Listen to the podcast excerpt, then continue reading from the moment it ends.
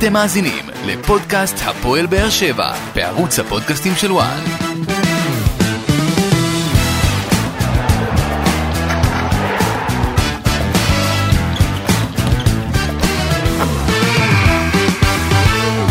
שלום לכם וברוכים הבאים לעוד פרק בפודקאסט הפועל באר שבע מבית הפודקאסטים אה, של ערוץ 1 ואנחנו עם עוד אה, פרק אה, ניתוח עם הרבה מאוד אמוציות אחרי עוד תיקו של הפועל באר שבע, אחרי תיקו נגד הפועל חיפה, תיקו נגד לך פוזנן, הגיעה עוד תוצאה, תוצאת תיקו מאכזבת מאוד, הפעם נגד האחרונה בטבלה סקציה נס ציונה ואני כאן עם uh, יוסי מדינה כדי לנתח ולראות uh, למה זה קורה, איך זה קורה, מה צריך לעשות, uh, ובכלל uh, מה הפתרונות האפשריים uh, ברקע. יוסי מדינה, מה נשמע? מצוין, מצוין, כיף להיות פה. טוב, uh, עוד משחק מאכזב, uh, עוד תוצאה מאכזבת, עוד תיקו, נמאס כבר מהתיקו הזה. טרנר, אתה יודע, מהמבצר הגדול והמפואר וזה שלא uh, מאבדים בו נקודות. אה, משהו לא טוב קורה, והפועל באר שבע באמת, אם ככה חשבנו ש...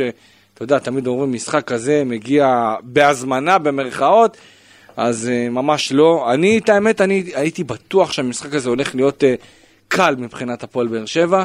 Uh, נכון שבהתחלה אמרו לפני, משחק קשה, יותר קשה מלך פוזנן. אני לא חשבתי שזה, שזה המצב, אני ראיתי לפחות גם את נס ציונה במשחקים האחרונים, מתחילת העונה, וראיתי קבוצה שיש לה הגנה חלשה, שבטרנר, באר שבע צריכה לתת לה שלוש חתיכות, וזהו. יפה, נג... נגעת פה בנקודה. זה, ש... זה בדיוק הכל... מה שאני ראיתי. נס ציונה בסך הכל קבוצה עם בסיס, אתה יודע, זה לא עכשיו תגיד אה, חלשי... בעיקר בהגנה. קטסטרופה. בעיקר בהגנה, אני ראיתי את הטעות משחק קודם. יש להם את המקומות המסוימים שבהם הפועל באר שבע הייתה יכולה לנצל את היתרונות שלהם, אבל זה משחק שלא משנה כמה נס ציונה היא לא חלשה כמו שעושים ממנה, הפועל באר שבע לא יכולה לבוא ולהוציא תיקו במשחק הזה. אם היא באמת שואפת קדימה. עכשיו, ברור, אני לא אגיד עכשיו, חייבים לנצח וכל משחק, אף קבוצה לא סיימה עם 100% הצלחה. אבל משחקים כאלה, אלה משחקים שאסור לך לאבד בהם נקודות. משחקים כאלה, אלה משחקים שאמורים להדליק נורות אדומות, ובאמת זה משחק שהדליק לא מעט נורות אדומות אה, שאנחנו עוד ניגע בהם לפי דעתי. תראה, הרבה מאוד דאגה, אני חושב, אה, בהפועל באר שבע אחרי המשחק הזה. אתה יודע, בוא, בוא נתחיל עוד לפני, אוקיי? עוד לפני, אני חושב שמה ש, שבא ותפס את רוב, ה, את רוב תשומת הלב אה, ורוב הרעשים שהיו לקראת, ה, לקראת המשחק, קודם כל, אה, אריאל הרוש פתח בין הקורות של הקבוצה במקומו של עמרי גלאזר, החלטה מקצועית, אתה יודע, לתת, לתת לגלאזר לשחק. אה, סליחה, לתת לגלאזר לנוח ולארוש אה, לשחק. אה, ועוד החלטה, אני חושב, משמעותית, אסטרי צלמני מחוץ לסגל. ואתה יודע, שוב, ואני כבר, אני, האמת, לי זה, לי זה נמאס. אוקיי? תגיד מה אתה חושב, אני אגיד מה אני חושב. ברור שאם שחקן זר לא נכלל בסגל, יש פה הודעה בטעות, או אה, איזשהו אה, מסר לשחקן, אולי לנסות לזעזע אותו.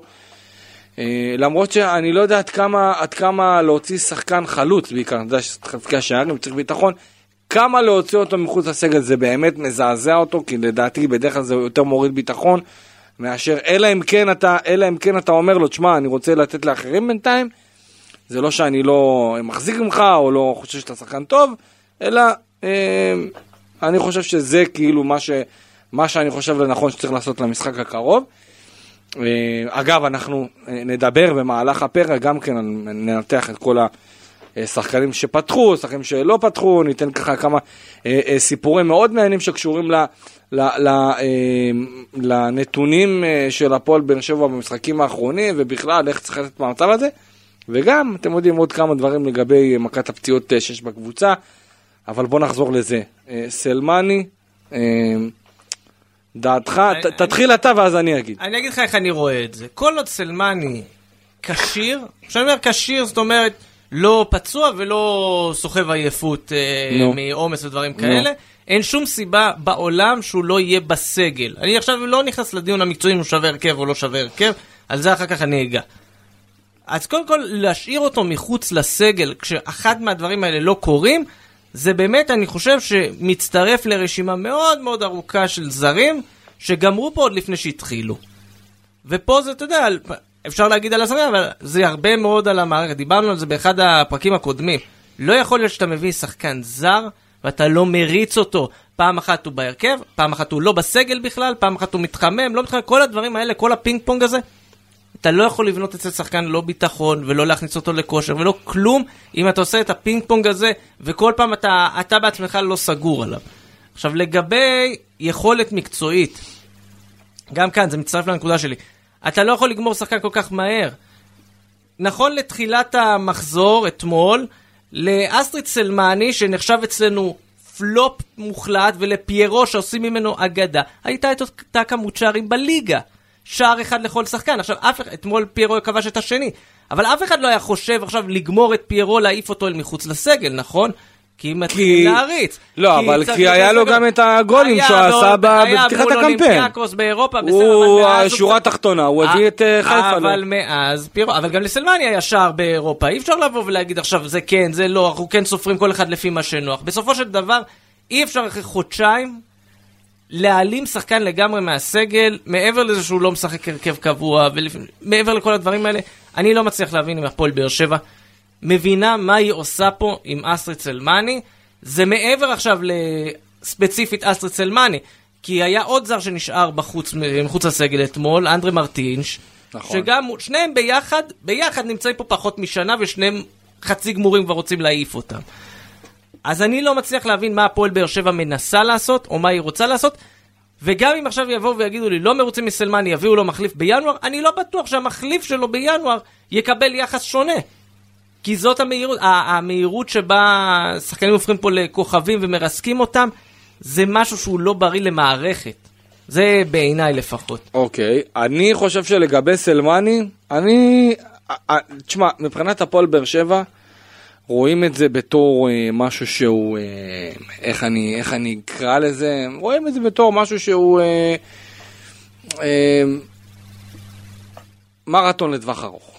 זאת אומרת, אם עכשיו יש לך משחקי ליגה, ויש לך אה, קונפרנס ליג, ויש לך עוד משחקים תוך כדי העונה, אז נניח, אם עכשיו, סתם דוגמה, סלמני עכשיו פותח בליגה, ואז בקונפרנס בכלל לא בסגל, ואז פותח עוד פעם בליגה, יש פה רצף של משחקי ליגה, נכון שבאירופה הוא יצא מחוץ לסגל, או לא ראה. דקה, בגלל זה סייגתי שזה העניין של חלוקת עומסים או עייפות או דברים כאלה, ואז אני מקבל את הדבר הזה. אגב, צריך גם להגיד, אבל אני לא יודע איזה עומס יכול להיות על שחקן שלא משחק הרכב קבוע.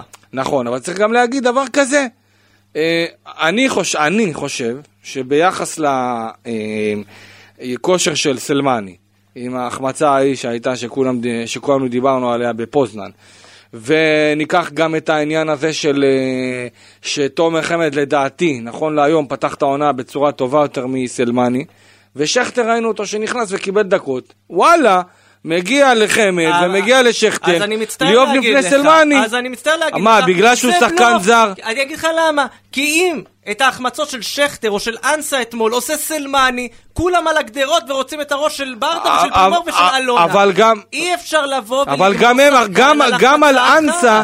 גם על אנסה, כולם על אלונה ועל ברדה ועל פרימור, אבל- למה השאירו אותו אבל ולא השאירו את דנילו? אבל מה ההבדל בין אנסה? קודם כל לה- להגיד להשאיר את דנילו. בסדר, עדיין, זה אבל לא, מי לא נתן-. מי נתן לאנסה אבל להישאר? להגיד, להשוות בין אנסה שנמצא פה עונה פלוס לבין שחקן שנמצא פה חודשיים, זה לא הגיוני. עכשיו לבוא ולהגיד אין בעיה, סלמני החמיץ, אז נוריד אותו לספסל, אין בעיה, אז ששכטר ירד גם כן, יהיה מחוץ לסגל במחזור הבא כי החמיץ. אתה מבין? זה לא הגיוני, זה, זה תהליך קבלת החלטות שהוא לא הגיוני. בטח אם אתה מדבר איתי על מרתון. אין פה, זה, זה קצת שליפות מהמותן. ושוב, אני אסייג ואגיד, אם יש עניין של עייפות, פציעות, עומס, לא יודע מה, אז בסדר, לגיטימי, אבל כמו שזה נראה כרגע, ועם כמות הדקות שסלמני משחק, אני לא יודע מאיפה יש לו להיות עייף, או עמוס. זה, זה באמת, אני לא מצליח להבין איך הפועל באר שבע מנהלת את הסגל שלה בקטע הזה של רוטציות ודברים כאלה, בטח כשזה מגיע לשחקנים זרים, שאנחנו יודעים שהפועל באר שבע, יש לה נטייה להיות מאוד חסרת סבלנות המון פעמים. בוא נגיד, ברוב השחקני, שחקנים זרים שמגיעים לפה, אוהבים אה, לבוא ולהעלים אותם מאוד מהר. אז אני לא, לא מצליח להבין את זה. אני מבין מה אתה אומר, אבל uh, יחד עם זאת אני חושב לקחו את ההחלטה הזאת, ואני חושב שאנחנו נראה, אתה יודע, גם במהלך העונה, אנחנו... אני פשוט, תקשיב, אני, מה, מה קשה לי? קשה לי שפעם אחת סלמני בסגל, אז שואלים למה הוא לא פותח. פעם סלמני לא בסגל ושואלים למה הוא לא פותח, איך זה יכול להיות? איך חמד מועדף על פניו? כשחמד לא בסגל חושבים כאילו קרה משהו עם חמד. אולי כי הוא רב עם אליניב. בנתה את הסגל לא טוב. שכטר לא בסגל? לא, אני, לא יודע אם אנחנו, אוקיי, יודעים בכלל להכיל סגל עמוק. סגל שפעם אחת זה משחק, עמוק- ופעם אחת זה לא משחק. לא, אני אגיד לך מה, סגל עמוק צריך להיבנות עם היררכיה מאוד ברורה. עכשיו, כשאתה מביא את חמד שהוא על תקן, מה שאנחנו אוהבים להגיד, ישראלי בכיר, ועל אותה משבצת אתה מביא שחקן, כנראה עם הדמי העברה הכי גדולים, בין הגדולים שהפועל באר שבע שילמה. מי? אה, סלמני. אבל כמה שילמו עליו? לא משנה, 600 לא אלף יורו. לא זהו, עושים על זה- זה 2 לא. מיליון יורו, כאילו איזה... עושים על זה טררם, כי הפועל באר שבע לא נוטה לשלם כסף. זה עניין אחר. השחקנים לא- לא- זרים לא- מחוץ ל- לא, אוקיי, נו. לא, זה לא הדיון עכשיו. אני אומר, ברגע שאתה משלם כסף אה, לא קטן על שחקן זר, מביא על העמדה שלו, חלוץ ישראלי בכיר, שניהם צריכים לשחק על משבצת אחת, כי הפועל באר שבע לא משחקת שני חלוצים. אז זה בניית סגל לא נכונה, כי אתה צריך לבוא ולהביא אחד שיהיה מוביל, והשני יהיה אה, רוטציה, נגיד, כמו שסטייל רותם חתואל. שרותם חתואל, אין לאף אחד ספק שהוא לא אה, שחקן מוביל, או שחקן זה, שחקן שלפעמים יכול לעלות מהספסל, שחקן שיכול לפת... לפעמים לפתוח בהרכב. פה יש לך שני שחקנים שעל הנייר אמורים להיות על המשבצת של הפותחים בהרכב. אי אפשר, זה לא סגל עמוק, זה סתם להעמיס את הסגל. אוקיי, אה, אני, אני חושב שמבחינת ה, הרעש שהיה אתמול, אה, היה גם מבחינת אריאל הרו שקיבל את ההזדמנות בהרכב, אה, אני, אין לי בעיה עם זה. אין לי בעיה עם זה. היו כאלה טענות שאמרו, ש... לגיטימיות, כן? שכאילו אם אתה נותן לארוש לשחק במשחק כזה נגד נס ציונה, עולה חדשה, מקום אחרון, אז אתה כאילו משדר ליתר השחקנים שנמצאים בקבוצה, שהנה זה משחק שאפשר קצת אה, להוריד רגל מהגז. אני, אני, אני לא יודע אם אתה זוכר, עשינו את אותו דיון בדיוק שנה שעברה כשהוא עלה בסכנין. באותו נכון. בדיוק כאן כן דיברנו, וזה איך זה נראה, ואם היה משחק כאילו- טוב או דברים כאלה. שמע, על הנייר, להחליף בין גלאזר לארוש זה לא נזק, אבל מצד שני... לא, ואגב, לדעתי ארוש היה מצוין. אתמול. ארוש כן, בוא נגיד ככה, לא. בגללו אה, איבדנו ממש את לא, הנקודות, זה ממש לא לא, הבעיה. ממש לא. אבל זה כן עניין, שוב, הסגל, איך אתה בונה אותו, למה צריך בכלל להקפיץ פתאום את ארוש לשחק? שוב, האם זה עניין של עייפות עם גלאזר? אם לי זה מרגיש, אם לי זה זה סתם מר- מקצועי כדי שלא יתמרמר על הספסל? לא, לי זה מרגיש שברק בכר יכול לעשות מה שהוא רוצה, אף אחד לא יבוא לו בטענות, הכל יהיה איביץ' אותו דבר, כל דבר שהוא יעשה, איזה גאון, אבל- איזה מלך, אבל כמה באו איזה בטענות זה. על בכר שהוא החליף שוערים מול ריינה? בסדר, כי הפסידו, בדיעבד כי הפסידו, אבל, אבל זה אבל לא- לפני אף אחד לא אמר כלום. זה אף אחד לא בא בטענות, פה כן באים לא, לא, בטענות. זה עדיין היה נראה מוזר, וכן, לא הבינו למה צריך את הרוטציה הזאת. רוב המאמנים בארץ לא עושים רוטציה בין שוערים, בטח לא, מילא תגיד אה, ליגה, גביע, דברים כאלה שאנחנו כן רואים, גם מקובל בעולם, כי שוערים בתוך הליגה, זה החלפות כאן שאני לא מצליח להבין אותן אף פעם. אה, שוב, זה לא יוצר נזק מקצועי, אבל אתה, אני לא מצליח להבין את המטרה של זה. כלומר, אם השוער המחליף שלך לא מקבל בהבנה שהוא השוער המחליף שלך, אז שוב, עניין של העמסה על הסגל. כן, זה אני גם מבין כן מה אתה עניין אומר. של, אה, כאילו... אבל אה, ארו- ארוש- בזמנו מול סכנין דיברו על זה שזה כאילו סוג של פיצוי על זה שהוא לא שיחק בחצי גמר גביע. פה, על מה יש לפצות? כאילו, אני לא, אני לא מצליח להבין את ההחלפה לא, הזו. אני, אני, אין לי שום בעיה עם ההחלפה לא, הזאת. שוב, אני אומר, מקצועית אין בעיה עם ההחלפה. כלומר, זה לא, כמו שאמרתי, לא יצר נזק, אבל למה? למה בכלל לעשות את זה? איזה היגיון יש בפעולה הזו? לא, לא מצליח להבין אותה. מה קורה לנו בבית, תגיד לי? אה, משחקי הבית, אה, ניצחון אחד. זה לא, זה, אתה יודע, זה... ניצחון אחד על סכנין, אה, שתי תוצאות אה, תיקו, שני הפסדים. אה, המבצר הוא כבר לא מבצר, זה כבר אנחנו... כבר מזמן לא מבצר, אני לא חושב כבר- שהוא- כן, נכון, נכון, אבל עדיין, אתה יודע, הייתה תחושה משנה שעברה, בגלל שבאר שבע רצה למעלה, ועדיין הבית היה בית חזק. אה, זה לא, זה לא מבצר כמו שהיה בעבר, כן? בוא, בוא לא נטעה, אבל עדיין, הפועל באר שבע כבר אה, מתקשה מאוד במשחקי הבית. אגב, אני לא חושב שיש פה איזה חיבוק דוב מצד הקהל, ממש לא. אני לא חושב שיש לחץ מצד הקהל או משהו לא, כזה. י- יאמר לזכות הקהל שהוא באמת מנסה אני- לשמור על איפוק, רובו, החלק הגדול, מנסה לשמור על איפוק, שריקות בוז זה רק היה בסוף, נכון? אבל לא, אני לא רואה באמת, ראינו את טרנר כשהוא רוצה להיות אנטי, הוא יכול להיות אנטי, הוא יודע להיות אנטי. אה, לא, אין את זה כרגע, אין את זה ב, ב, במסות מאוד גדולות. אה, כן, יש אווירה מתוחה בטרנר, זה כן. אני לא חושב שיש אבל לפני לא, אווירה מתוחה. לא, לפני... המשחקים באים- לא, נפתח- לפני, אני, איך שאני מרגיש- טוב. כשדברים מתחילים להסתבך, אה, אנחנו זוכרים את הימים של טרנר באמת כמבצר, גם במצבים של פיגור ושל תיקו, אני חושב היית שה- מרגיש עדיין שזה, שזה הולך להגיע. ופה יש איזושהי אווירה מתוחה. אני לא אומר עכשיו פוגעים בקבוצה, כן יש מין... אני לא יודע איך להסביר את זה, זה מין תחושה כזו באיצטדיון של משהו של, שלא עובד. אוקיי. זה אני, אני שלי. לא יודע, אני דווקא חושב שלפחות מהזווית שלי, מאיך שאני, אה, אה, גם אתמול וגם אה, נגד פוזנן, גם נגד הפועל חיפה, אני לא הרגשתי איזה משהו שהוא... אה, איזה לחץ שאיך הפועל באר שבע, איך השחקנים יצטרכו להתמודד, ממש לא, אני חושב שהמשחק, הקהל דחף, לא ראינו איזה טענות או רטינות מצד האוהדים בכל מיני פעולות, אני לא הרגשתי את זה. אני חושב שיש פה פשוט עניין של גישה, שהגישה הזאת היא גישה אה, אתמול, אוקיי? אתמול הגישה לדעתי הייתה על הפנים, שחקנים לא היו מספיק אגרסיביים, אני חושב ששחקני נס ציונה נתנו לבאר שבע חופש, ופשוט באר שבע די, הניעו את הכדור, מיגל ויטור מוסר לטיבי, טיבי מוסר ללופז, לופז מוסר לאליאס, הכל רגוע, הכל לאט, אנחנו ננצח בטוח. לאט לאט, זה ייכנס, גם ב-1-0 שנס ציונה אה, הובילה 1-0, הייתה אווירה כזאת נוחה שזה יגיע, אנחנו נעשה את המהפך, הגולים ייכנסו, ככה זה היה. אבל אני חושב שגם הקבוצה מגיעה ל, ל, למצבים, יש הזדמנויות, יש, אה, אה, יש איומים לשער, נכון שאנחנו לא רואים יותר מדי בעיטות למסגרת, בטח לא במחצת הראשונה, לא, לא ראיתי איומים יותר מדי משמעותיים, אבל אני חושב שכאילו אני, מדברים כאילו על התקופה של רוני לוי. אני לא חושב לא, שאפשר לא- להשוות. זה לא זה, זה לא זה בכלל. אני לא חושב ששווה- שאפשר להשוות, גם משחק נגד הפועל חיפה. אני, בתיקו 2, יצאתי ממנו בתחושה טובה. יצאתי, כאילו, מה זה בתחושה טובה? בתחושה שהקבוצה שיחקה טוב, שהיה צריך לגמר פה 7-2. זה לא כמו פעם, שבאר שבע הייתה מנצחת נניח 2-1, או מסיימת בתיקו בטרנר, ויצאת בתחושה כאילו הפסדת. לא, כי בתקופה של רוני לוי הקבוצה גם בקושי עברה את החצי, בקושי יצרה מצבי הבקעה. שזה עניין אחר. פה יש מצבים... יש מצבי הבקעה, יש בעיות, מה שנקרא, בדרך למצבי הבקעה, כי אתה רואה שהקבוצה קצת מבולגנת, אתה רואה שגם הבעיטות שיש של הפועל באר שבע, זה נראה מאוד מאוד... אה. נו, נו. זה נראה מאוד אה, מפוזר, נראה מאוד אקראי. אה, כלומר, אתה רואה שבאמת קצת חסר הסדר הזה, כי כן, עכשיו זה נראה כאילו כל אחד בא, מנסה לבעוט, מה שנקרא להציל את המולדת, ויאללה בלאגן. המון המון בעיטות מאוד מאוד אה, לא מסודרות, מאוד במצבים קשים.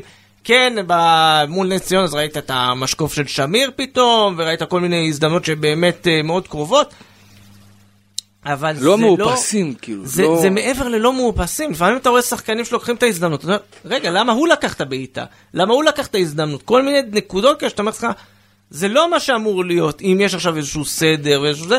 בגלל זה אתה רואה גם הרבה יותר תפוקה, לצורך העניין, מחתואל או שפי, או שחקנים שהם קצת יותר קישור נקרא לזה ומעלה, ופחות מהתקפה, כי בגלל שאין סדר, אין את התבניות משחק האלה שמובילות את הכדור בסוף לחלוצים, אז זה נתקע הרבה לפני, והם צריכים לקחת את ההזדמנות בעצמם. אה, אז, אז מבחינת, אה, כמו שאמרנו, משחקי בית, אה, הפועל באר שבע עם ניצחון אחד בלבד בחמישה משחקי בית בליגה, שתי תוצאות תיקו, שני הפסדים. אגב, מבחינת הקהל, לפחות ברשתות, אתה רואה המון המון טענות, המון טענות, אני פחות מתחבר לזה כי אני חושב ש... נכון, תשמע, היו הרבה טעויות השנה, מה לעשות? היו הרבה טעויות. אה, ויחד עם זאת, אני לא חושב שמישהו פה רצה לעשות רע, אוקיי? אני אגיד ככה, הבסיס... אף אחד לא רצה לעשות רע. גם אלונה שהשקיעה ושמה כסף, הרבה מאוד כסף, היא רוצה לבנות משהו טוב. גם אליניב ברדה, שזה, אתה יודע, הוא בא לתפקיד הזה בתור תפקיד חייו.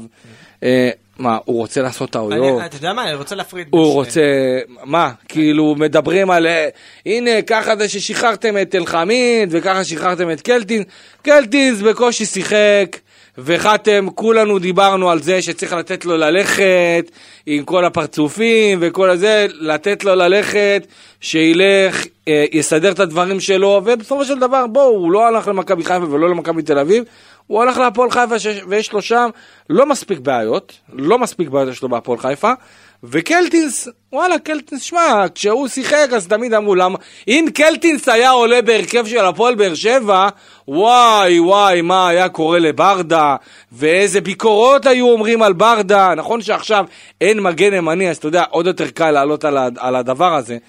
אבל כאילו, אני חושב שכאילו יש תחושה שיותר מדי אה, מחפשים ויותר מדי, לא יודע, תגיד לי אני- אתה, איך אני- אתה רואה את זה אני- מהזווית שלך, אני לא רוצה- יודע. קודם כל, אני חושב שלאוהדים, הבסיס של הטוענות מוצדק. יש עכשיו אנשים אוהבים לנפח את זה, ראיתי אנשים משווים, כמו שאמרת מקודם, משווים בין ברדה לרוני לוי, זה מגוחך. זה כל... הבסיס עצמו הוא מוצדק, אבל אני רוצה כן להפריד שנייה בין, זרקת פה שתי שמות, ברדה ואלונה, נעשה שנייה הפרדה. כי כל אחד יש לו את החלק שלו בסיפור. אז אני אתחיל מברדה, כי אני חושב שזה הסיפור היותר קל מבין השניים. ברדה, כבר כשמונה, היה צריך להבין שיש איזשהו עניין מסוים מאוד מאוד ספציפי, שזה חוסר הניסיון שלו. ואנחנו רואים המון המון פעמים שבאמת, מה שנקרא, את שכר הלימוד אתה משלם עכשיו, ואני חושב שזה משהו שהפועל באר שבע הייתה צריכה להבין, כולל, אגב, להבין שאלו התגובות, כי אנחנו יודעים מה זה הקהל של באר שבע, אנחנו יודעים מה קורה כשמשתחרר להם שם הניצוץ, התגובות האלה היו מגיעות. ואם הפועל באר שבע לא, יד, לא יודעת להכיל את הדבר הזה, לא יודעת לבוא ולהגיד, אה, זה מאמן שבנקרא לזה אה, התלמדות, תחילת הדרך, מתחיל אה, לעשות צעדים ראשונים כמאמן פול טיים ג'וב, אני חושב שזה היה מראש טעות להיכנס לזה בכלל. אבל ברגע שברדה פה, ובאים ומבינים שזה הדבר, אז קודם כל, חלק מהטעויות הן, מה לעשות, חלק מהדרך, וזה העניין. ואני חושב שברדה עצמו קשה לי לבוא אליו בטענות, כי הוא באמת מנסה להוציא את המיטב ממה שיש לו. ובסוף, זה הסגל הקיים. אני חושב שאם ברדה היה בונה את הסגל, כנראה הוא היה נראה אחרת לגמרי. אנחנו שמענו ממנו יותר מפעם אחת ביקורת על איך שהסגל בנוי. אז אני אומר, ממה שיש לו הוא מוציא את המיטב. נכון, יכול להיות יותר טוב, אני מסכים, יכולים להיראות הרבה יותר טוב מול קבוצה. מה, מדברים על בלי ניסיון. אוקיי, אין לו ניסיון. אוקיי, יש לו ניסיון בגמר גביע? בסדר. אבל יש לו ניסיון לא- בשלב אבל זה- מוקדמות להפיל בדרך לשלב בתים? יש לו ניסיון במשחק גמר של אלוף אלופים? כאילו, עזוב את התואר הזה, זה סתם, לא מעניין. אבל זה עדיין, זה, זה, זה, אבל-. אתה חייב לצבור דרך. בסדר, אבל אני רואה 20, מה 30 יש, יוסי, אני רואה מה יש בחוץ. אתה יודע, זה זה- זה- מטריף לא, אותי. זה בדיוק העניין, אני אומר... מה יש בחוץ? אני- איזה מאמנים יש בחוץ עכשיו, כאילו, שאפשר לדבר. עליהם? הפועל באר שבע צריכה לבוא ובשביל להכיל את האירוע הזה, כי האופציה האחרת, זה לא שעכשיו עומד המועדון מכיל, השאלה מה הקהל, כי הקהל, הקהל, אני לא יודע. הקהל, לא פה מחפש כרגיל, הקהל, לא יודע, הקהל יש לו ציפיות פה של, אני לא יודע, באמת, אני, כאילו, באמת אומר, כל אחד שבא ואומר... אפשר לבקר, תקשיב, אפשר לבקר את הקהל יכול לבקר עד מחר, בחירת השחקנים הזרים, הישראלים, שחרורים, והכל, והכל הכל. נכון. גם. אין לא שום בעיה טעויות. לבקר, הכל טוב, לב- אין, זה חלק מהעניין, אתה יודע, בלי ביקורת, אנחנו גם לא לומדים ולא משתפרים ולא מתקדמים. אבל יחד עם זאת, הביקורת שהיא, אה, כמו שאמרנו עכשיו אני ואתה, היא ביקורת שהיא עניינית.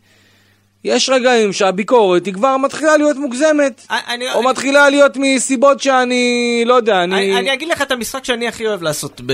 כשאני ביציע, בסדר? אוקיי. תמיד כשמישהו סביבי אומר, יאללה, שיפטרו את ברדה, אני אומר לו, תגיד לי את השם של המחליף שלו. ואז תמיד נתקעים. נכון. כי זה לא מחפשים, שעכשיו... אין- אין שמות. כי זה זה לא שעכשיו... איזה- שוב- זה... מזכיר לי איזה משחק של ליטל פינגר ו... אה, זה- ואריה סטארק במשחקי הכס אה, הזאת. זה עכשיו... אה, אריה סטארק עכשיו שלח אותו, לא משנה, אבל... תגיד אה, לי מה, מה- אה, כשמישהו רוצה ממך משהו, ת- אה, ת- תשאל את עצמך מה המניע שלו. זהו, ופה בדיוק הנקודה, אני אומר, באמת, זה לא שיושבים עכשיו בחוץ ואנחנו יודעים שמה לעשות, השוק הישראלי מוגבל, והפועל באר שבע לא רוצה להביא מאמן זר, בסדר, שתי החלטות. מבחינתי זה לא אמור להיות על הפרק, כן? סתם אני מעלה את זה לא, בתור... אני אומר, אני אומר גם, גם בואו נחשוב שנייה בהיגיון. זה לא שעכשיו אם ברדה הולך, ועכשיו כל הקהל יתחרפן ויגיד ברדה הביתה, ברדה הביתה, כמו שעשו עם רוני לוי שנה שעברה. לא, אגב, אנחנו צריכים להגיד, אנחנו לא שומעים את הדבר הזה. זה, זה, זה, זה כל מיני רכשים. כל מיני רכשים בטח- כאלה, בעיקר אחרי המשחקים, החברתיות, כל העצבים ופה, כאילו, אני אומר והכל. שצריך לבוא ולשים את זה בפרופורציות. בסוף, אליניב ברדה הוא לא מאמן חלש, הוא לא מאמן רע, הוא כן מאמן חסר ניסיון, אבל כן אתה רואה שהוא לומד תוך כדי תנועה, וזה בסדר, ואפשר לבוא, ו- וכל עוד המועדון בא ואומר, זה מה יש לי, ועם זה אני רץ, ואנחנו הולכים עכשיו אה, עם סכין בין השיניים קדימה, הכל טוב. לגבי הדמות השנייה שזרקת מקודם, שזו אלונה. גם כאן, אני לא חושב שאלונה עשתה רע או רוצה לעשות רע. בסוף, כמו שאמרנו, הכוונות טובות. אני חושב שאלונה ברקת, אה, באופן קבלת ההחלטות, גם בקיץ, גם במהלך כל מיני דברים שאנחנו רואים בדרך, אה, קיבלה החלטות שבסוף הן לא מספיקות לקבוצה שרוצה לרוץ קדימה. כל מיני התנהלות בנושא רכש ושחקנים ושחרורים, גם מה שזרקת מקודם על קלטינס ואלחמיד. על הנייר, כשאני מסתכל בתוך איזושהי משבצת קטנה, אני אומר, אוקיי, קלטינס גם ככה לא שיחק, אלחמיד גם ככה היה לו את הבעיות עם המשפחה, בסדר, אין לי בעיה לשחרר. אבל אתה לא יכול לשחרר בלי להבין מה, איך זה משפיע מסביב.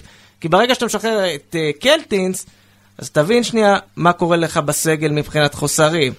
אלחמיד אותו סיפור, שחררת, עכשיו אתה רואה מאוד במהירות מחוליה של הגנה מאוד מאוד חזקה, פתאום אין לך בלמים, כל שנייה איזה בלם אחד אה, נופל או שחקן הגנה נופל, אז אתה מבין שחלק מההחלטות שקיבלו בטווח הקצר, כשאני מדבר טווח קצר זה חמש דקות קדימה, נכונות, כשמסתכלים שבוע, שבועיים, חודש קדימה, כאן כבר דברים מתחילים קצת לרעוד, ואני חושב שהפועל באר שבע, אה, אני אומר אלונה, אבל זה לא רק אלונה, אני חושב שכל הצוות הניהולי שם, ש, שהתעסק ב, ב, בניהול הקיץ הזה, אה, אפשר להגיד כמעט בצורה מאוד ברורה, כשל בניסיון שלו להרכיב פה סגל של קבוצה שכמו שהם הצעירים, רצה לתארים. אוקיי, זה בעיניי לפחות. אוקיי. אה, תראה, אני חושב שבגדול, נכון לפציעות וכל הדברים האלה שמסביב, על פניו עכשיו אנחנו רואים, מרגישים את זה, כי פתאום אין לך מגן ימני. והבלמים, גם אבו עביד שתכף נדבר על זה וגם טיבי שנפצעו, אה, אני יכול להבין מה אתה אומר. אה, יחד עם זאת, אני חושב שאם אני עכשיו הולך על השוק הישראלי, שאם אתה משחרר ואתה רוצה להביא במקום, אני לא יודע אם יש. לא יודע, כאילו, לא יודע אם איזה... אבל זה בדיוק העניין, לא יודע איזה מגן אתה לא ימני יש, יכול איזה מגן לשחרר שמאלי. ולהשאיר חורים בסגל, אתה צריך להבין את נכון, המשמעויות של זה. נכון, נכון, אבל אני זוכר שקלטינס בקושי ראה דשא, וחאתם עבד אל חמיד, אתה יודע, זה כבר, הוא לא התאמן כבר תקופה, והראש שלו לא היה פה, וגם בחדר ההלבשה, גם לחדר ההלבשה, יוסי, זה כבר, אתה יודע, אבל- אז אין בעיה. שחקנים אמרו לי, שחקנים אמרו לי, כשהייתי שואל אל חמיד, אמרו לי, עזוב, לא, עד- אז עדיף- אומר. עדיף לא לדבר על אל חמיד. ההחלטה כמקצועית, אוקיי. אלחמיד, יותר טוב שלא יהיה... אגב, והביאו את בלוריאן מאשר- במקום אלחמיד. יפה. בגדול. אבל ו- ושוב, לא שהשאירו את העמדה הזאת? אה, ריקה. אלחמיד הזה, וקלטין שאלה. אז אני אומר, אוקיי, מה, מה קורה שם בטווח? סבבה, ההחלטה הנכונה שלא יהיו פה. מה כן נשאר פה? זה פה, אני לא אומר שההחלטה הנכונה הייתה להשאיר את קלטינס בכוח, לקשור אותו בשרשרות ברזל לבית האדום. זה לא מה שאני אומר. אני אומר, אין בעיה. התקבלה החלטה, קלטינס לא ממשיך לצורך העניין, אלחמיד לא ממשיך, מה הפתרון? בלוריאן לצורך העניין, זה כן, אמור להיות איזשהו פתרון לחוסר של אלחמיד בהגנה. קלטינס, אנחנו רואים, קצת חסר הדברים, קצת חסר לך את ה... עוד מישהו שיעלה מהספסל במקום, כלומר, ה... ברגע שקיצרת את הסגל ולא באמת הבאת מחליפים, אף אחד לא, הרי אף אחד לא נפל מהרגליים, כולם ידעו שיש עומס, כולם ידעו שאנחנו בדרך ל, לכמה חודשים, מאוד מאוד שכמעט אין זמן לנשום, זה שהשבוע אין אה, משחק אמצע שבוע, אה, לנשק את כולם שם ולקחת אפילו יומיים חופש, אה, רק כי אפשר. זה באמת, אני חושב שהפועל באר שבע פה, מעבר לזה שיש כמובן שחקנים בסגל שאני חושב שלא מתאימים למעמד ודברים כאלה, אבל זה, נעזוב את זה שנייה? בצד. בעיניי, קודם כל אחד שלא שיחק אתמול זה שגיב יחזקאל. אה, יוג'ין אנסה זה היה כזה לא מין לרמה. נדנדה. לא לרמה. אני לא, אתה יודע מה? תקשיב, אני אגיד לך מה. הגעת, הגעת, שלחת אותי לאנסה, אני ניגע באנסה. תשמע, אני חושב שכל מאמן בסדר גודל של אה, ליגת העל, אוקיי? ליגת העל, מקומות 14 עד אה, 4, היה רוצה שחקן כמו צ'יננס. אתה יודע מה, את, את מה שאמרת אני יכול לשכפל על המון שחקנים בהפועל באר שבע. אני אומר לך, יודע מה- משקיע, דמות חיובית, אה, שחקן אה, גבר בחדר הלבשה, מתאמץ, נותן את כל מה שרוצה להצליח, הכל. ברמת היכולת, הוא לא למכבי, מכבי חיפה לא תיקח אותו, ומכבי תל אביב לא תיקח אותו, וזהו. וזה- זה מבחינתי אומר את הכל. וזה קצת עניין של אופן קבלת ההחלטות. זהו. כשאתה אומר לי שחקן מתאים ל-4-14 בליגה, אז אין בעיה. הפועל באר שבע מכוונת ל-4-14 בליגה? לא, היא מכוונת ל-1-3. אתה צריך להביא שחקנים שכשאתה מביא אותם, ופועל באר שבע ידעה לעשות את זה מצוין בשנות השיא שלה, אתה צריך להביא שחקנים שאתה חושב לעצמך שאתה יכול לראות אותם באותה מידה במכבי תל אביב או. במכבי חיפה. זה זה נכון. והרבה מאוד שחקנים שהתגלגלו להפועל באר שבע, כולל שחקנים שנמצאים היום בסגל, אלה שחקנים שאין להם מקום במכבי תל אביב ובמכבי חיפה, ומשום מה כן אין להם. בסגל מקום. בסגל, כן, כן, אני לא מדבר על הרכב. בסגל. ובאותה מידה הם פותחים פה בהרכב. אז אני אומר, יש פה איזושהי בנייה של כל מיני שחקנים שנמצאים בסגל. אני חושב שלא יודע. עכשיו, לגבי אנסה ספציפית, אני אומר, הפועל באר שבע בסוף העונה שעברה, הייתה צריכה לשבת עם עצמנו ולחשוב, לא בגלל שהוא הבקיע שער בחצי גמר אה, גביע ועשה כל מיני דברים לקראת סוף העונה, לא, להסתכל על עונה שלמה. האם אני מוכן להמשיך עונה שלמה עם שחקן שזה מה שאנסה נתן לי, לטוב ולרע, אפשר אפילו להפריד, לראות מה הוא עשה עם רוני לוי, מה הוא עשה עם, עם ברדה. האם זה שחקן שאני יכול לבנות עליו? אני לא חושב שברד, שאנסה לאורך העונה שעברה, למשל, הראה שהוא שחקן שאפשר לבנות עליו לאורך זמן, לאורך עונה שלמה. אין בעיה. ישבו בקיץ, קיבלו החלטה, אם ברדה זה יהיה שונה. אני לא רואה את השוני הזה. מה זה פה- שונה? זה, פה- זה, לא יודע. זה יכולת של שחקן כדורגל, בוא, מה לא זה יודע, שונה? אולי עניין של ביטחון, אולי סגנון לא. משחק של רוני לוי שונה מסגנון של... יוסי, יש אני אומר, עניין של לתת פס ולבעוט כדור לשער. מאמן לא יכול לשנות את זה. אז אני אומר, לא, הוא לא עד כדי כך לא יודע. הוא יודע, יודע, אבל לא ב-. לא ברמת ה- אומר- לא ברמת A. אני אומר, אולי ישבו בהפועל באר שבע, אמרו, וואלה, אם ברדה זה ייראה שונה, אה, סגנון משחק אחר, אנסה אולי יהיה מה שנקרא הזר השישי, אה, סטייל, כל מיני שחקנים שראינו פה, אתה יודע, כן. שלא פותח בהרכב, אבל עולה מהספסל. בסוף הוא לא זה ולא זה, וגם הפועל באר שבע לא יודעת עד הסוף מה היא עושה איתו. שוב, עניין של התכנון, פתאום אנסה לפעמים פותח לך בהרכב לפני חמד ולפני אה, סלמני, ואתה אומר, רגע, מה קורה פה? אז אני חושב שזה חלק מהעניין של החוסר סדר, של החוסר, אין היררכיה בסגל, ואין זה כאילו כל כך רוטציה, שכולם ברוטציה כולל השוער.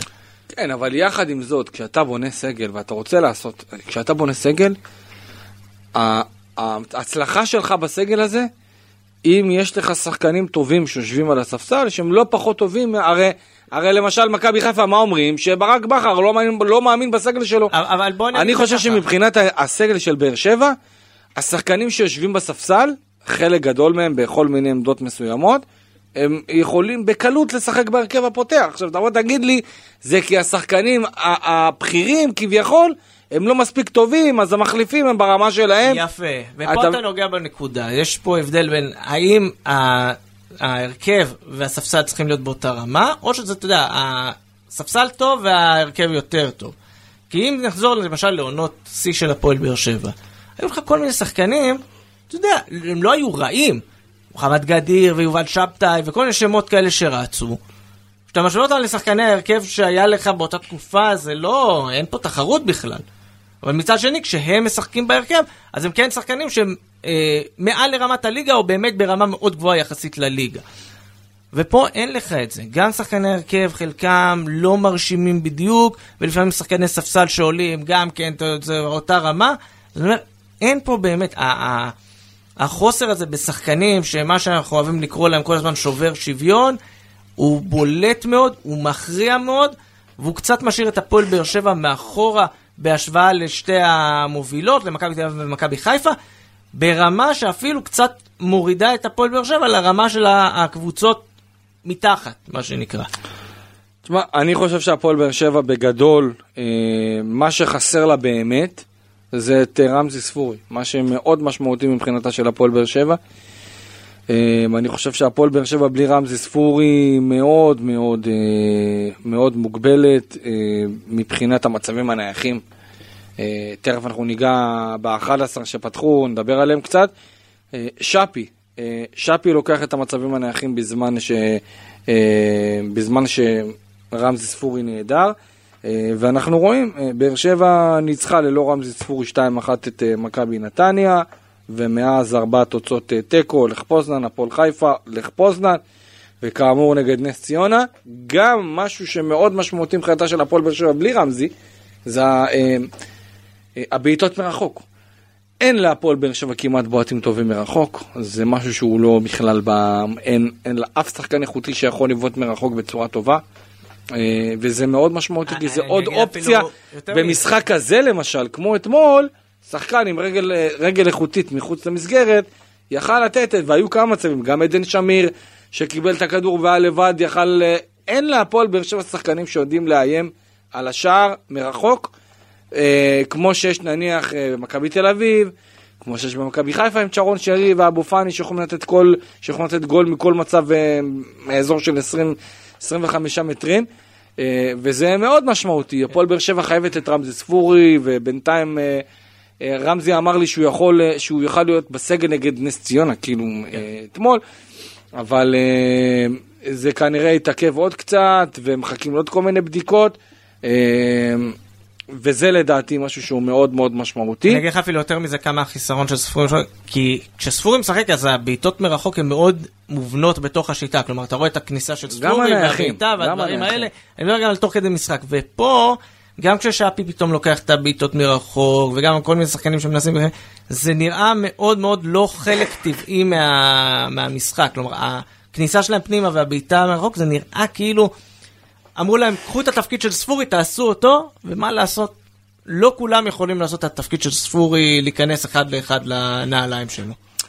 כן, אה, טוב, בוא, בוא, בוא נדבר על ה- על ה-11 אה, שפתחו בהרכב. קודם כל, אה, ארוש קיבל את ההזדמנות שלו ב-11, גלאזר קיבל את המנוחה. אה, היו ב- לא מעט טענות וביקורות על זה, אני מבחינתי לא רואה בזה שום דבר רע. אה, ארוש אה, לא היה אשם בשער, לא היה אשם במהלך. אה, בסך הכל היו לו גם איזה, הייתה לו איזה הצלה טובה, אני לא טועה, נגד אה, אה, מול אה, רויזמן שם, במחצית השנייה. אה, מיגל ויטור, מיגל ויטור לדעתי אה, אחד המשחקים החלשים שלו. טעות קריטית, לא מאפיינת בכלל. טעות של חוסר ריכוז, ושוב, אגב, זה מה שאמרו לי גם מהפועל באר שבע, זה חלק מהעניין של העייפות. ו... והשחקן אמר לי, אתם אה, בתקשורת, אתם לא יודעים מה זה. אתם לא יודעים, לא, מה... אני- אני- אתם לא יודעים. מה זה לרוץ 90 דקות, ועד שה... אתה יודע, זה כמו שעכשיו אני, אני, אני, אני זכרתי קצת שהייתי לשחק כדורגל, והייתי הולך לשחק עכשיו שעתיים, אוקיי? ובאמת, הייתי מסיים את המשחק, הייתי חם אחרי שעה, שעתיים, למחרת כל הגוף כאבים. רגליים כואבות, כל השרירים דפוסים, אתה מבין? יש פה איזה קטע שאני לא הייתי שחק כדורגל, אז אני לא יודע איך זה, לא, אבל רואים, רואים גם על מיגל את העייפות, רואים שזה באמת טעויות של אה, חוסר. שמע, למסור ככה לקוטליה ולעשות עליו את לא- הפנדל, לא- זה לא... לא זה לא שלו. מיגל ויטור. אני חושב שפה, אה, אחת הבעיות שהפועל באר שבע נתקלת בהן זה שפשוט אין לה איך לתת למיגל לנוח. שזה... אה, לא עוד טוב. עכשיו בכלל. שזה עכשיו בכלל, ש... בעייתי. שכל הלחץ וכל הדברים האלה, אני חושב ש... אה, שצריך להבין שנייה מה עושים עם מיגל ויטור. כי אם ימשיכו לרוץ איתו... אין ברירה, 90 יוסי, אין לא, ברירה אומר, אבל. נכון, מה תעשה מבין- עכשיו שאין לך גם את טיבי וגם את אבו עביד? ברירה, ובררו. ששיחק בתור בלם, אבל מי, מי שחושב שאם ימשיכו לרוץ איתו 90 דקות כל משחק ודברים כאלה, אולי השבוע הזה שבאמת אין עוד משחק באמצע השבוע יעזור לו קצת שנייה להתאפס, אבל אני חושב שזה באמת מתכון פה ל... לעומס, שבוא נגיד, הטעויות שלו על המגרש עלולות להיות הדבר הקל בסיפור הזה. כי אנחנו יודעים שמיגל, עומס, דברים כאלה, בקלות אתה יכול פתאום גם לאבד אותו. זה, זה משהו שצריך להיות מאוד מאוד זהיר איתו, אה, יש צוות אה, מקצועי סביב הדבר הזה שעוקב. אה, בוא נגיד, הייתי לוקח איתו טיפה יותר זהירות, כי ראינו שברדה אפילו במשחקים מסוימים יודע לא לסיים איתו 90 דקות. שוב, איך עושים את זה בסגל הנוכחי, זו שאלה טובה, אבל זה באמת אה, צריך לבוא ולראות איך לא מסכנים את מיגל ויטור אה, להמשך. טוב, אז איתן טיבי כאמור אה, שפך מנוע, יצא חילוף, בספק גדול למשחקים הקרובים, צריך לראות גם כן מה יהיה איתו. אה, איתן אה, טיבי כאמור באמת, אני חושב שהייתה עד הפציעה בתקופה טובה, נכון שהיה לו משחק לא טוב נגד אה, הפועל חיפה, אבל הוא כבר עבר את זה. לצערה של הפועל באר שבע, יצטרכו לראות בדיוק מה, מה הולך להיות בעניין הזה בקרוב בכל סאגת הבלמים, תכף אנחנו ניגע גם בבלוריאן. אלדר לופז, יוסי, לדעתי נראה מאוד עייף, גם הוא, אתה יודע, זה גם צריך להגיד, גם הוא, גם טיבי, גם לופז, כבר בני 33. כן. עניין הגיל הוא מאוד מאוד משמעותי. גם מבחינת ה... אני חושב שגם יותר גם מבחינת המהירות, עומס המשחקים גם מבחינת המהירות. נכון, גם מבחינת המהירות וגם מבחינת, ה, ה, אתה יודע, הגיל שלהם, שאתה יודע, זה לא עוזר מבחינת אה, פציעות. אין מה לעשות, הגוף לא משקר, אנחנו רואים את זה בכל, בכל מקום בעולם, בכל אה, ליגה בעולם. אה, שי אליאס, לי אין יותר מדי טענות אליו. אה, הייתה לו את ההזדמנות ההיא מחצית ראשונה, אה, שהכדור, אה, אתה יודע, כמו שאומרים ברחוב, התפלק לו. אה, אבל תשמע, משקיע, נלחם, מתאמץ, אני, אין לי, אין לי מה לבוא לאליאס בטענות, אני חושב שהוא בתקופה טובה. עדן שמיר היה מאוד פרווה, מאוד מאוד פרווה. לא הצליח להביא מעצמו, גם מבחינת איומים מרחוק, עם המשקוף הזה. אה, אה, לא יודע, משהו שם היה נראה עייף, משהו שם היה נראה מאוד מאוד, בכלל, באר שבע כולה הייתה נראית עייפה. דור מיכה, יוסי בין הטובים לדעתי, כן, כן, גם כן, אתמול. כן. דור מיכה מתחיל להיכנס... בא, שוב, נכנס, מקבל. כל מה שקשור לאיומים מחוץ למסגרת, זה לא הוא. זה תן לא למישהו הוא, אחר. וחסר, חסר השחקן מקדימה המוציא לפועל שיבוא ויקבל את הכדורים שלו, זה מאוד בולט החיסרון הזה. אה, אה, שפי, מה עובר על שפי, שפי, שפי סולימנוב, מאז אה, סגירת השערים בפולין, משהו קורה לו, לא מספיק מדויק, לא מספיק מתוחכם, אה, זה, זה לא גם מספיק הרבה מאוד חד. פעולות שלו, של פשוט לרוץ, לרוץ עם כן, הראש נכנס בקיר, ראש, וזה בדיוק, לא- ראש בקיר. אה, זה לא עובד. ממש לא, אני פחות, אה, אני לא יודע מה קורה לו, גם מבחינת המצבים הנייחים, המון כדורים נייחים, פשוט שלא עוברים את, ה, את הקו הראשון של ההגנה. אה, אני לא, אני לא מאמין שזה, שזה, מה- אני חושב שזה סתם תקופה כזאת, וגם הוא כנראה צריך לאפס אותו איכשהו. אה, אדריאן פאון דווקא לדעתי בין השחקנים היותר אה, נחמדים שהיו בטרנר אתמול. מתחיל להיכנס קשה לו. לקחת את הכדור מהרגל. אה, אני אגיד ככה, אחד מהדברים החשובים זה שהוא, שהוא מתחיל לשחק, בסך הכל הופעה שלישית שלו אם אני לא טועה מה כן. שהגיע, אה, מתחיל לצבור יותר ביטחון, יותר דקות, אנחנו מתחילים לראות קצת למה אובן המליץ עליו. ובסדר גמור, וככל שהוא ייכנס יותר וזה, אני חושב שאנחנו נראה ממנו הרבה יותר, הוא עשה כמה פעולות באמת טובות אתמול, כולל אה, הכנסה של כדורים ודברים כאלה. אה, משהו שהיה חסר מאוד ב, במשך הרבה מאוד שנים בשחקני הכנף. שוב, האתגר זה כמובן ה- להמשיך ולהראות את היכולת הזו גם בהמשך. וגם מספרים, עוד צריך לראות אותו כבר מתחיל לתת מספרים. אה, השאלה איזה מספרים, כי לפחות ממה שאני זוכר מהמספרים שלו ברומניה הוא לא בדיוק המבשל. לא, לא משנה, לא משנה. אם כן, הוא משחק בתור כנף שמאל, שחקן התקפה, לא משנה שבקלוז' לא היו לו את המספרים, אני מצפה, אין, אין מה לא, לעשות. יכול להיות שזה סגנון... אתה לא יכול, לא, יכול להיות שיבנו עליו על סגנון- סגנון משחק של להכניס את הכדור לרחבה, לא בהכרח לתת את הבישול, שזה גם עניין. שאנחנו רואים ש... בוא נגיד גם ה- להכניס אני, כדור לרחבה. אני לא חושב. ששחקני כנף זה איכותיים, יוסי, יכולים לתת בכל מספר, בכל משחק יכולים לתת מספרים. עניין, עניין של תפקוד ומה בונים עליהם, זה לא אוקיי. העיקר, אה, אני- אנחנו רוצים בישולים. לא, אני לא אומר בכוח, אני פשוט לא, אומר, שחקן איכותי שמשחק ב-4-3-3, צריך לתת מספרים. לא אומר לך נכון, עכשיו- אבל אני אומר, אם הוא י- לא ייתן את הבישולים, אבל במקום זה ייתן לי שני, שניים, שלושה כדורים לתוך הרחבה, שאחד, שניים, יהפוך לשער, לא בהכרח הוא יהיה המבשל. אין לי בעיה עם זה. מה שנקרא הוקי אסיסט בשפה המקצועית. אה, תומר חמד, אני לא מאשים אותו יותר מדי. אה, לא, משחק, הוא קשה, לא- לא. לא הגיע ליותר מדי מצבים, היו לו כאלה כמה חצאי מצבים שקצת הוא נפל על מהירות, אה, ואולי על- אה, עייפות, הוא בכל מקרה, החלק פוזנן לא אמר שהוא פצוע או או משהו כזה, דווקא מרגיש טוב. חילופים, שכטר ממשיך להוסיף הרבה מאוד אנרגיות, לדעתי הוא היה טוב כשהוא נכנס, גם אה, החתול יחד איתו, אני חושב שהשער הזה, לא יודע, ספק, אה, אנחנו יודעים של מי השער הזה בסוף? חתואל או של שכטר? חתואל, המנהלת נתן לחתואל.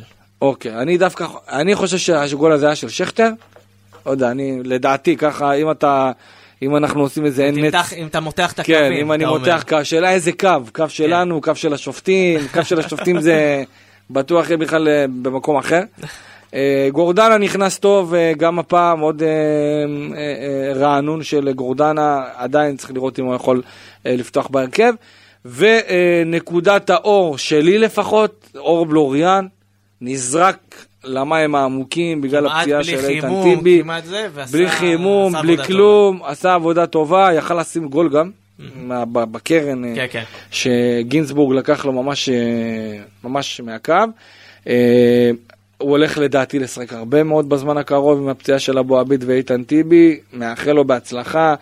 אה, מקווה מאוד שהוא באמת יוכל להיכנס לרוטציה בצורה טובה ואתה יודע, לא להיגרר לחוסר הביטחון שיש לכמה שחקנים. והאכזבה הגדולה מבחינתי זה יוג'ין אנסה, כמו שאמרתי, אה, וכמו שאתה דיברת. לדעתי, שחקן זר בהפועל באר שבע אמור להיות שחקן זר שעושה את ההבדל. עם כל הכבוד לאיך שהוא, אני מת עליו, משקיע, נלח... הייתי רוצה שהוא יהיה לי בהרכב, 11 שחקנים עם הגישה והאופי, כמו של יוג'ין אנסה. באמת, ממש, מומלץ שיהיה להם אבל גם את התכלס. ממש ככה. ואני יכול להגיד לך שאני, אה, אה, גם אמרתי את זה שנה שעברה, אוקיי? לדעתי יוג'ין אנסה שחקן אה, נהדר, אבל אה, 4-14. לא לקבוצה שעכשיו, הפועל באר שבע תשחרר את, אה, את אה, יוג'ין אנסה, לא מכבי חיפה תיקח אותו, ולא מכבי תיקח אותו, אלא אם כן הוא יהפוך פתאום לישראלי, ואז זה כבר משהו אחר, שזה, זה, זה, אם אנסה היה ישראלי, אם הוא פתאום מקבל, אפשר לזרום. אם זה, אני לא, זה, זה ישראלי שובר שוויון מבחינתי, אוקיי? איך אני איתך? לא הייתי נסחף. אבל כשחקן זר, כשחקן לא, זר, לא הייתי נסחף גם לא, כי כן, זה אבל- אותו שחקן בסוף. כן, לא, לא, משנה. ברור, ברור, אבל כאילו אני אומר, אם, אם הוא שחקן ישראלי, אז זה מאוד אתה יכול מאוד... לזרום איתו, אתה יכול זה יכול לזרום, וזה לא. בא על חשבון שחקן זר, אבל פה שחקן זר שאתה נכנס, ביחד רבאק, אתה נותן בעיטה כזאת, אג- נותן ככה אגרסיביות בכדור, בלי מחשבה, בלי לראות איפה השוער הולך, ישר לתת בעיטה, לא- שייכנס טיל, אני, אני לא מצליח להבין את זה. אה, זה, זה לא לרמות האלה של הפועל באר שבע, וקבוצה ששואפת, שוב, שואפת לרוץ לאליפות עם כמה שהוא חיובי, ו, ושחקן אה, חמוד, ומותק, אין דברים כאלה, אבל בוא, אנחנו לא מתעסקים ב... אנחנו לא מתעסקים באיזה שיעור אה, לילדים.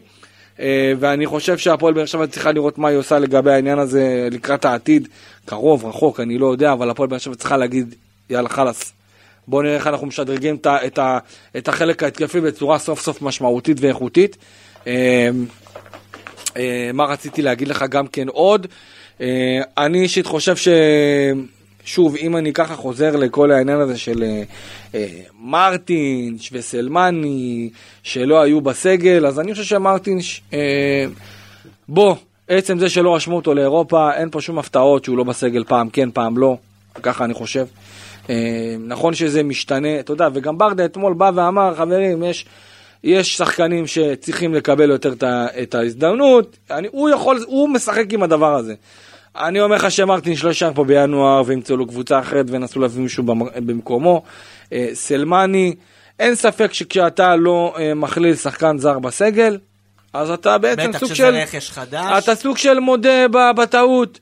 אבל אתה יודע, אני גם רואה בקבוצות אחרות כמו מכבי תל אביב שהבלם שלהם גם כן, אה, גם כן לא נספר שם ול- ולא משחק בכלל. אני לא יודע אם בסגל או לא בסגל, זה אני לא זוכר כבר. אבל אני רואה שאתה יודע, מה, מה לעשות, וזה חלק מהעניין. וברדה היה חלוץ. אז הוא לדעתי גם יודע בדיוק את, ה, את השיקולים ואת המצב רוח של אה, סלמני ומה לעשות איתו ואיך לעשות איתו ואיך לשחק עם, ה, עם פעם סגל, פעם לא בסגל. אה, נכון שזה בעייתי ברמת האיך זה נראה כלפי חוץ, אבל אני, אני באמת סומך על ברדה שהוא יודע לקבל את ההחלטות שלו ואת השיקולים שלו. חד משמעית, כשאתה מביא שחקן זר, לזה אני מסכים איתך, שחקן זר חייב להיות אה, בסגל וחייב לעזור לך, חייב להיות לך, אם יש פציעה, פה אני, אגב, ספציפית במקרה הנקודתי הזה, לדעתי, כן? כשאני רואה את חמד, ואני רואה את אה, שכטר, לדעתי, שניהם, נכון להיום, לכושר הנוכחי, צריכים להיות לפניו. אבל זאת בעיה. זאת שוב, בעיה, זאת של- בעיה, זאת בעיה, אבל יכול מאוד להיות שעכשיו הוא ייכנס וישחק ויקבל הזדמנות וייתן איזה שער, ופתאום הביטחון יחזור לו, ואולי ייכנס לאיזה רצף שאנחנו נגיד בואנה, יש לו, יש, יש פה איזה משהו, אתה מבין? אה, ואתה יודע, בדרך כלל, שחקנים, אתה יודע, כשאתה לא מתחיל על ההתחלה, ואין לך את הפתיחה הזאת על ההתחלה, אז קשה לך מאוד אה, אה, לקדם אותם, וזה גם שחקנים שאתה יודע שנמצאים בארץ זרה וצריכים להתאקלם, ואנחנו זוכרים את הפועל באר שבע בשנים האחרונות, אתה יודע, אני זוכר, דיברו על פרלי רוסה. איך הפועל באר שבע שחררה את פרלי רוסה, וזה אותם אנשים ששחטו אותו כשהוא שיחק בו, כן? כן, כן, כן. אני זוכר את לא- אותם לא אנשים. וגם לא אספריה עכשיו שפתאום לא אנשים נכנס לשמות התעוררו, של... לא אה, עזוב, זה. פתאום אספריה, תעיפו אותו, איזה שחקן, אין לו מוח, אין לו מספרים, עושה... והנה, עכשיו פתאום אומרים איך שחררתם את דנילו, ואיך אספריה בביתה. עזוב, נו, אני, אני לא מצליח לקבל את זה, אה, יש מלא טענות.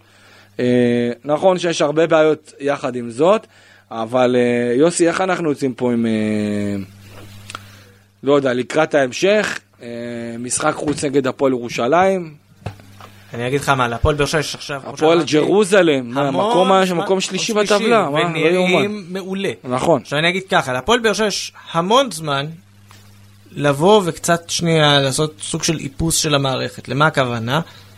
זו פעם ראשונה שיש להפועל שבע באמת זמן גם להתאמן, גם לתרגל. אנחנו יודעים שכשהלו"ז צפוף אין לך זמן יותר מדי לתרגל דברים.